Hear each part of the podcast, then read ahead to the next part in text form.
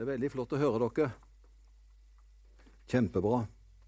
I går så var det Jeg må si det var en kjempefin adventsfest eh, for de over 60 år. Og eh, Upstad og Våde de var og underholdt. Og jeg må bare si det er første gangen jeg har hørt dere. Og jeg må bare si de er knallbra. Så jeg sa det at vi må invitere dem til Sørensdal, sa jeg. Ikke på et kveldsmøte, men på, i teltet etterpå. For uh, det var kjempebra, altså. Og så var det en av disse historiene som de delte. Det er jo sånne veldig hverdagshistorier. Det var hvem som går ut med søpla. Og jeg kan si de traff 100% blink. For hjemme hos oss det er jeg som må ut med søpla. Og uh, hun spør har du vært ute med søpla, Sten. 'Jeg skal gå', sier jeg. og så ordner vi det. Men jeg har aldri løpt etter søppelbilen med søppel. For det var jo også en seanse. Så langt går jeg ikke. Men eh, det er godt at vi kan fordele på oppgavene, og vi har jo forskjellige oppgaver. Apropos, jeg må bare si at jeg kan ikke få si nok gode ting om kvinnene. Det må jeg bare si. Jeg prøver, Overalt så prøver jeg også å løfte dem opp, for Tenk om ikke vi hadde hatt en så stor kvinneandel iblant oss. Ja, da skulle det sett stusslig ut. Men de redder oss igjen og igjen, og det er så enestående, det som skjer. Jeg sier det, for i morgen tidlig skal jeg du vet, Jeg er kommet i en alder nå hvor jeg kan få en ekstra ferieuke. Så i morgen tidlig skal jeg på ferie, men jeg skal ut og jobbe. Jeg skal være sammen med forlagssjef Svein Andersen. Så skal vi reise ned til Malaga i morgen tidlig, og så skal jeg skrive bok. Og Det blir flere som skriver den, men det er mitt hovedansvar. og Der skal boka gå, opp, gå ut på hvordan vi skal løfte opp kvinnene. Hvilken fenomenal oppgave som de har. Og Jeg er veldig stolt for at det, det blir overvekt av misjonskirkekvinner som skriver den boka. Et av de beste kapitlene kan jeg si det er Solveig eh, til Asbjørn Johannessen. Hun har skrevet et fenomenalt kapittel. Hvordan hun har opplevd kulturen i ulike settinger med å være kvinne. Også Ingunn, hun som er rektor på Ansgarskolen, hun har skrevet et, et langt kapittel om hvordan historikken på kvinner i frikirke- og lavkirkeligheten har vært i Norge. Og hvordan det er en utvikling. Og der kan vi heldigvis si at Misjonskirka er i front.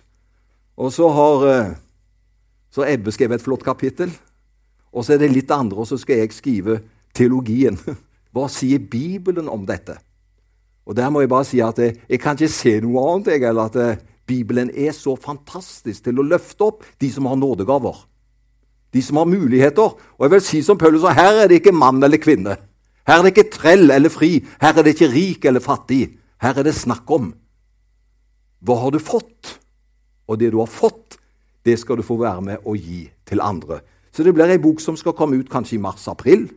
Og da skal det være ei bok som skal løfte opp likeverd, og eh, hvor vi skal heie på. For det er faktisk talt noen i dag som har det synet der at eh, kvinnen skal være underdanig sin mann. Og når det blir kjørt for langt, så er det jo eh, altså for å si sånt, De er jo kloke, de mennene som slipper damene til. Det må jeg bare si. De er kloke, de menn som virkelig løfter opp damene, fordi de er en veldig ressurs. Jeg hadde jo med meg, jeg var jo her i går, så kjørte jeg hjem igjen. og Tore og Bjørg Tellefsen satt på. Så kommer vi jo litt inn på dette, her, og så, og så sier de hvordan de hadde det. Ja, Hjemme hos oss sa de sånn Der er det Bjørg som bestemmer. Og det tror jeg er klokt. Men på ett område har Tore fått lov å bestemt, og det var jo bra. Han har alltid bestemt i menigheter vi skal reise til.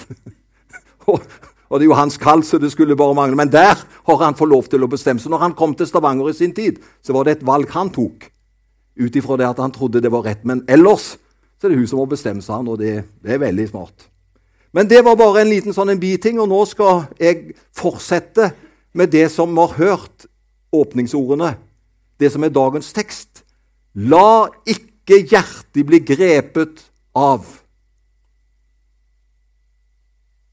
Ser dere bildet? La ikke hjertet bli grepet av.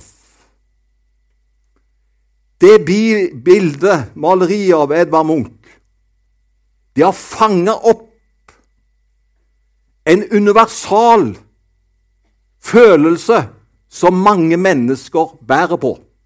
Derfor er det kanskje det maleriet som har slått mest igjennom av norske malerier. For det griper tak i noe som så lett kan ta tak i oss, nemlig angsten, fortvilelsen. Hvordan skal det gå med oss, og hvordan skal det gå med andre? Bildet heter jo 'Skrik'. La ikke hjertet bli grepet av angst. Jesu disipler hadde sine oppturer og nedturer. Rett før den siste påsken har Jesus samla de i nattverdssalen. Og Det er så viktig når vi leser noen av disse tekstene, så må vi sette oss inn i når ble de sagt? Når ble de holdt? For vi leser jo alt etter at det har skjedd for 2000 år siden. Og vi kan nesten ikke sant, blande tidsperspektiver fordi vi leser det så lenge etterpå. Men la oss ta tak i når ble dette holdt, når ble dette sagt? For det kan åpne perspektiver på teksten vår i formiddag. Jesus samla de tolv disiplene i nattverdssalen. De hadde et godt fellesskap hvor de skulle spise sammen.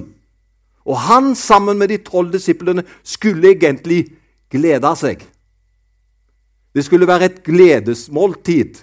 Det var masse av det i Jerusalem ved påsketider. Men så begynner Jesus å bringe noen følsomme temaer på banen. Og det gjør at disiplene blir redde og mismodige. Så det som skulle være et flott, lyst måltid, egentlig, i et nu, så blir det noe tungt, det blir noe dramatisk. Fordi han snakker der om at Judas skal forråde ham. Og så sier Jesus at Peter han skal fornekte ham. Ja, han sier til og med at han skal forlate disiplene. Kanskje var det veldig naturlig da at uro og angst grep disiplenes hjerter. Ikke sant? Skulle de ikke ha motløshet og angst når de får høre dette Herren? Jeg mener, Da var du ikke et menneske. Og Derfor tror jeg Jesus må si til dem La ikke hjertet deres bli grepet av angst og motløshet. Og Jeg syns denne teksten er egentlig perfekt advent, selv om det er en påsketekst. For teksten oppmuntrer oss også i vår tid til å ikke bli grepet av angst. Adventstiden som er inne i nå, det markerer jo at Jesus er på vei til vår jord. Han er på vei inn i vår tid. Han er på vei inn i vår virkelighet. Advent forteller oss at håpet beveger seg mot oss. ikke er det flott? Det er jo det advent forteller. Håpet det nærmer seg. Og Gud ønsker gjennom Jesus Kristus å være nær oss. Men selve bibelteksten fra Johannes 14 er hentet fra påskefortellingen, fra nattverdssalen. Og en av de siste samtalene Jesus hadde med sine disipler før hans lidelse og kors. Og I teksten snakker Jesus om å ikke engstes, om at disiplenes hjerter ikke må bli grepet av mismodighet.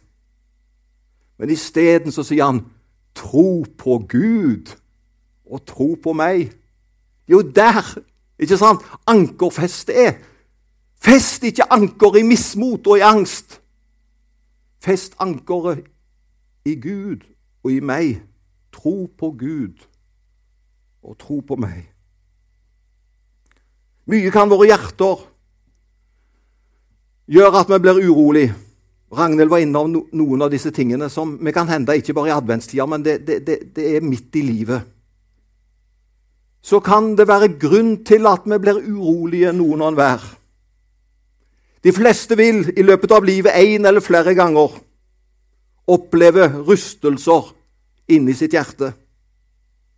Det kan være selve livsgrunnlaget som holder på å forsvinne. Arbeidet og dermed økonomien kan være usikker. Vennskap kan ryke. Ekteskap kan ryke. Sykdom og død kan gjøre sitt inntog i en familie. Og så kan også familiefasaden sprekke, og kanskje vold, rus, utroskap eller barns dårlige livsvalg etter hvert blir kjent, ikke sant? Og så merker man det er en belastning. Ja, livet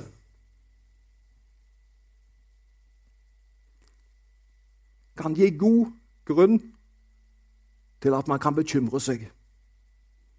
Og jeg vil bare si det det er ikke uåndelig å bekymre seg. Det å være et menneske som gjør at man bekymrer seg. Og hvem gjør ikke det? Den vil jeg møte, som aldri har bekymret seg. Da er man i så fall en meget overfladisk person. Men hvis man virkelig kjenner på livet, og er midt i livet med medmennesker, som opplever at dette river, dette tar tak Ja, man kan faktisk ha god grunn til å bekymre seg. Men derfor trenger vi så sterkt å høre Jesu ord hviske i vårt øre. Og da bruker den gamle oversettelsen 'La ikke deres hjerte forferdes'. Vi trenger å høre det. Og når Bibelen snakker om hjertet, så er det jo ikke den der pumpesaken her inne. Når Bibelen taler om hjertet, så er det tankene våre, det er følelsene våre, det er viljen vår. Ja, I Bibels tankegang står det at selve livet går ut fra vårt hjerte, ordspråket 423. Altså alt som har med virkelig livet vårt å gjøre. Det har sitt utgangspunkt i vårt hjerte, og da er det ikke blodpumpa jeg snakker om. Det hjertet som vi har der inne. Tankene, følelsene, viljen. Og så forteller advent oss at kongenes konge, han som styrer over både hjerte og omstendigheter, har meldt sin ankomst. Som til disiplene den gangen, så sier han også til de troende i dag. Du, tro på Gud og tro på meg. Og Det kan jeg ikke si med en høy stemme, for det er en mildhet, en omsorg i det kjære deg. Tro på Gud og tro på meg. Det er det som vi kan få bygge på, og som er vår redning. Og det å tro her, det er ikke noe anstrengende. Det å tro her er ikke et prosjekt. For det er noen som sier som sånn Ja, men jeg klarer ikke å tro, Sten. Jeg klarer ikke å mobilisere alt som må til for at jeg skal tro. Ja, men tro må aldri bli gjerninger. Det må ikke bli ditt og mitt.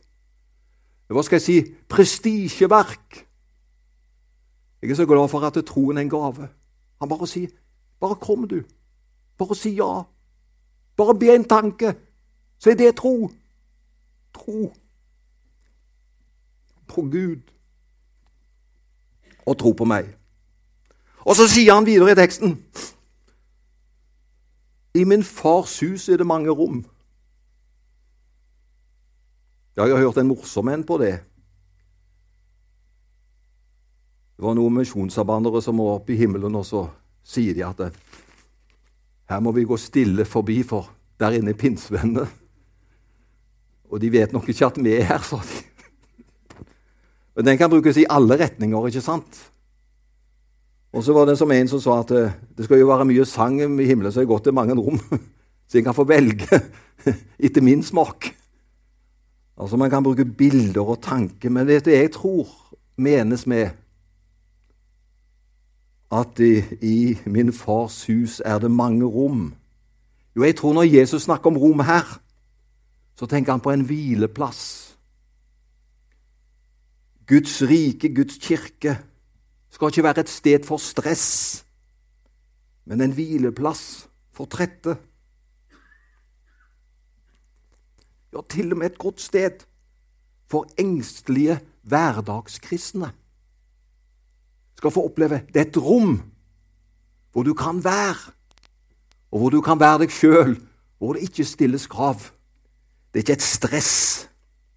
Og det må vi passe oss på i våre menigheter, for det kan bli, det kan bli litt tøft noen ganger for noen og enhver som står virkelig på. Men egentlig så er alle de rommene et bilde på at det, der er det plass, der er det hvile. Det er et hvilested. Det er et sted hvor vi kan få ta imot og bli inkludert akkurat slik som vi er.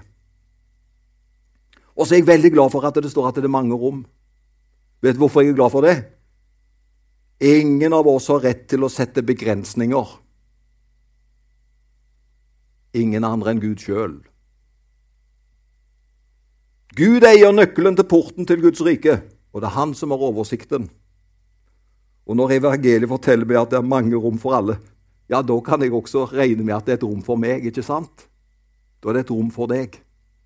Og så skal ingen av oss sette oss i den posisjonen at vi skal avgjøre hvem som er innafor eller utafor. Hvem som passer å komme inn. Jeg er veldig glad for kongenes konge. Han som er herre. Han som er Gud og ikke menneskelig. Det er han som er kjærlig, som får avgjøre det. Hva menes når han sier 'for jeg går bort for å gjøre i stand et sted for dere'? Og nå må du ta tak i det som jeg sa når jeg starta. Husk hvilken setting Jesus sier dette i. Det er nattværssalen, ikke sant? Det er ikke vi som har hele historien som han sier det til, men han, det er til de menneskene han sier det. I nattverdssalen. Og så sier han til de, for jeg går bort for å gjøre i stand et sted for dere. Og her tror jeg, hvis vi setter oss inn i nattverdssalen og hører dette av Jesus, så tror jeg her er det en dobbel betydning. Vanligvis tenker vi at Jesus drar til himmelen for å berede evigheten for oss. Men samtidig, hvis det er en dobbel betydning, så kan vi også tenke slik at Jesus i nattverden forbereder disiplene på at han beveger seg mot Golgata. Det er jo det som skal skje etterpå. Han beveger seg mot Golgata. Der vil Jesus åpne veien til himmelen for oss og gjøre i stand et frelsens sted for oss. Men det stedet det ble åpna, det ble forberedt gjennom hans virke og hans gjerning for oss på Golgata. Ja, bare tenk at du fikk høre det i nattverdssalen.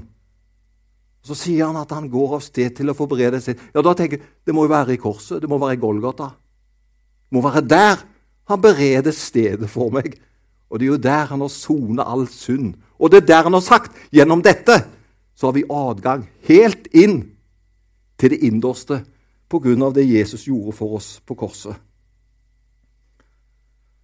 Og så sier han det når jeg har gått bort og gjort i stand et sted for dere, kommer jeg igjen og vil ta dere til meg for at også dere skal være der jeg er. Jesus lover de engstelige å redde disiplene, og det syns jeg var fint. For han sier at han skal komme igjen. Ikke sant? Å, da tenker jeg det går opp et lys. Han skal altså ikke bli værende i grava. For hvis han ble varende i grava, så kunne han jo ikke komme igjen. Og så sier Jesus, når jeg har gått bort og gjort det i stand et sted for dere, kommer jeg igjen og skal ta dere til meg for at også dere skal være der jeg er. Han lover at han for alltid skal være sammen med dem, og at de skal få lov til å være sammen med den tredje Gud.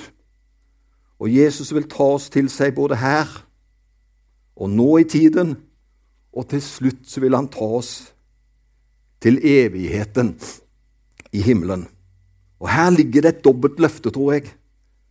For det første for de elleve disiplene som først hørte disse ordene, et ønske om at Jesus vil gjøre de trygge gjennom det verk han har gjort på korset ved sin døde oppstandelse. Og så forteller han at det, det er ikke slutt med det. Han skal stå opp igjen. Han kommer tilbake for å vise seg for dem. Og dette med oppstandelsen det skjønte jo ikke disiplene når Jesus sa det. Men når han plutselig står opp igjen, da står det da kom de hans ord i hu. Å, var det det han mente? Og så fikk de se han levende efter oppstandelsen. Men det at jeg vil komme tilbake igjen til dere, forteller jo også at en dag så vil han komme tilbake som verdens dommer. Da vil han hente de som bekjenner ham som frelser. Da vil han ta det hjem til himmelen. Han som kom som et barn i Betlehem. Han som kom igjen som den oppstandende for disiplene. Han vil en dag komme hjem igjen for å dømme levende og døde. Og så skal jeg avslutte med det siste punktet, for der står det Og dit jeg går. Og husk, dette sa han i nattverdssalen. Og dit jeg går, der vet dere veien.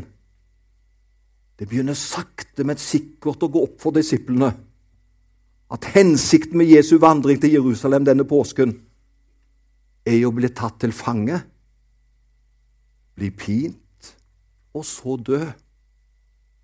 De begynner å fatte at Guds vei er lidelsens vei. Ganske trolig var også disiplene klar over at det var noe guddommelig over Jesus. De måtte skjønne gjennom masse ting at han, han må jo komme fra himmelen. De møtte nemlig et annerledes menneske med et annet opphav og en annen hjemmeadresse enn de selv. Innerst inne visste de kanskje at Jesus nå var på vei tilbake til sin far. Vi som lever århundrer etter at disse ordene er talt, vi trenger å vite at lidelsens vei til Golgata den trenger vi også å vite om. Og så går den ikke bare til Golgata, men lidelsens vei, den fullender i farshuset. Og Jeg har bare lyst til å si det, særlig i solidaritet med alle kristne som er forfulgt, og som lir. Jeg tror det å ta opp sitt kors og følge Jesus, det medfører også smerte. Det medfører utfordringer og vanskeligheter. Og det sier Jesus. Jeg går og jeg skal vise veien for dere. Og For oss også kan det være en lidelsens vei, det kan være en utfordring på den ene og andre måten. Men hør den veien vil alltid ende godt. Den veien vil alltid ende godt. Og så, etter de fire versene som er søndagens tekst er avsluttes, så sier jo Thomas, og det er etterpå Ja, men hvor skal du hen? Vi vet ikke hvor du skal. Hvordan kan vi komme dit? Og Da svarer Jesus så flott. Jeg er veien, sannheten og livet. Ingen kommer til Faderen uten ved meg. Dermed kan alle Jesu efterfølgere gjennom alle tider vite at Jesus sjøl er veien. Ikke bare gjennom lidelser, men han er veien til det evige målet. Kan jeg få lov å komme med en liten åpenbaring? For jeg tror det var en liten åpenbaring. Jeg fikk det på veien hit i dag morges. Og sannelig, jeg fikk det av Ebbe, altså. Det passer så inn her. Du vet, når de spiste påskemåltidet, for det var jo i den settingen ikke sant? Jesus taler dette, så var det én ting som ble sendt rundt til alle rundt påskemåltidet. Det var Saltet ble sendt rundt. Og saltet De visste hva alle disse tingene de symboliserte. Saltet, det står for tårer. Og de visste at jødefolket i sin historie hadde så mye tårer og lidelse, og det skulle saltet rundt påskemåltidet minne om. Det har vært mye lidelse for dette folket. Og så får de høre om de tidene hvor de dansa rundt gullkalven, hvor de vendte Gud ryggen, og kan du tenke deg når Peter fikk høre dette, herren? Da sa han det skal iallfall aldri skje med oss. Vi skal ikke være så overfladiske som jødefolket var. Vi skal stå på. Og så sier Jesus til den selvsikre Peter, så sier han til han, Hør, du skal fornekte meg. Og Judas, du skal forråde meg. Og vet du hva det forteller? Vi er mennesker alle sammen. som opplever at det kan gå i stykker for oss. Men en Peter som de gikk i stykker for, som skulle fornekte Jesus, han får høre. Det kommer til å gå godt. Det kommer til å gå godt, Peter. Og da gikk han seg nok ned. Han som kritiserte det de gjorde i Gamle testamentet, han gjorde verre ting sjøl. Og er det ikke det som er å være menneske? Vi kan se feil som andre gjør. Men så gjør vi feil sjøl. Men da er det så flott. Det er ikke slutt!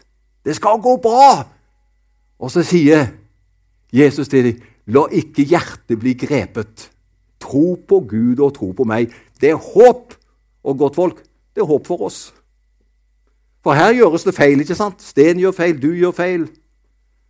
Eh, vi har ikke så sterk tro som vi skal, vi er ikke så frimodige som vi skal. Ikke sant? Det er, et, det er et system som vi kan leve i. Men så sier Gud til oss det er håp for dere. Det er håp for dere. For han er veien, sannheten og livet. Og det skal vi få minnes nå, når vi straks skal gå over til nattverden. La ikke hjertet bli grepet av angst. Tro på Gud og tro på meg. Amen.